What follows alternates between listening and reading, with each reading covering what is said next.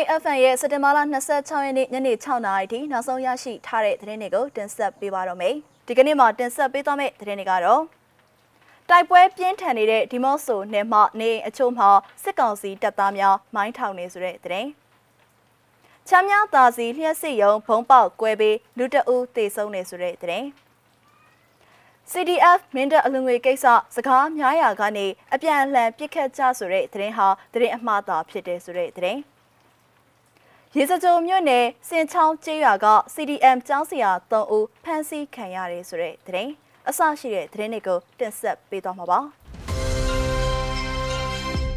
ဦးဆောင်သတင်းကတော့ KNY ပြည်နယ်ဒီမော့ဆိုမြို့နယ်တွေကသတင်းပါ။ KNY ပြည်နယ်ဒီမော့ဆိုမြို့နယ်မှာဒီကနေ့စက်တင်ဘာလ26ရက်နေ့မနက်10:00နာရီဝန်းကျင်ကနေစပြီးနေ့လယ်တနာရီခွဲအထိတိုက်ပွဲပြင်းထန်နေပါတယ်။ စစ်သားတွေကတချို့နေအိမ်တွေမှာမိုင်းထောင်သွားကြောင်းပြည်သူ့ကာကွယ်ရေးတပ်ဖွဲ့ဝင်တွေထံကနေသိရပါတယ်။စစ်ကောင်စီတပ်သားတွေဟာဒီမော့ဆိုမြို့နယ်တေဆူလဲရွာမှနေအိမ်တလုံးအားဝင်ရောက်မှွေနှောက်ပြီးဘိုင်းထောင်ထားခဲ့ပါတယ်။တိုက်ပွဲကပြစ်လိုက်ရက်လိုက်နဲ့တိုက်နေကြတာရှေ့တန်းမြေပြင်ကသတင်းပို့လာတာပါစစ်သားတွေကအိမ်အချို့မှာပစ္စည်းတွေရိုက်ဖြတ်ထားတာမျိုးတွေလုပ်ပြီးဆိုင်ကယ်တစ်စီးပေါ်မှာမိုင်းထောင်သွားတယ်လို့ဒေသခံတော်လန်ရေးတပ်သားတအုပ်ကပြောပါတယ်။မ နေ့ကစက်တင်ဘာလ25ရက်နေ့မှာလေဒီမော့ဆိုမြို့နယ်ကုန်းတာကျေးရွာတေဆူလဲကျေးရွာနဲ့ကျောင်းဆယ်ကန်အနီးတစ်ဝိုက်မှာအကြမ်းဖက်စစ်ကောင်စီတပ်နဲ့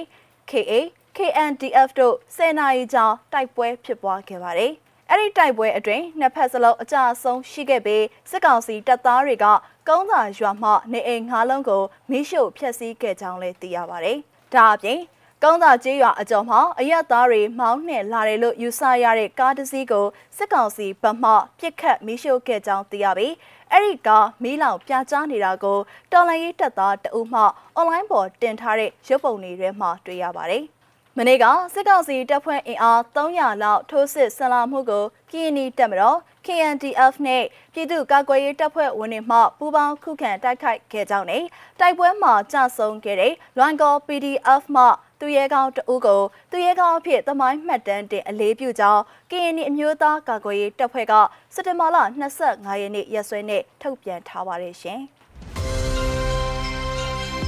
နောက်ထပ်သတင်းကချမ်းမြသာစီလျှက်စစ်ရုံမှာဘုံပေါက်ကွဲတဲ့သတင်းကိုတင်ဆက်ပေးပါမယ်။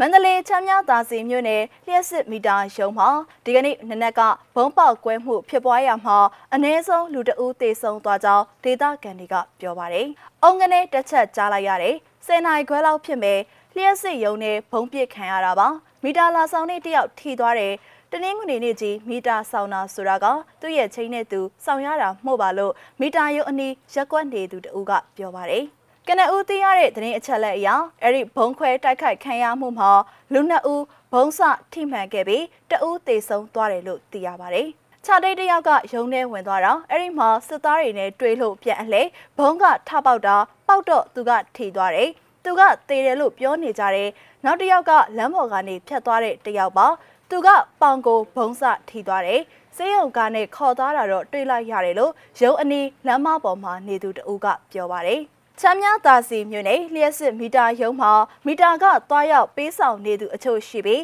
အရင်ကလည်းဘုံခွဲတိုက်ခိုက်ခံရမဲ့သတင်းထွက်ပေါ်ခြင်းကြောင့်စစ်ကောင်စီလက်နက်ကိုင်များကရုံးဝင်းအတွင်းမှာတက်ဆွဲထားတယ်လို့လည်းသိရပါတယ်ရှင်။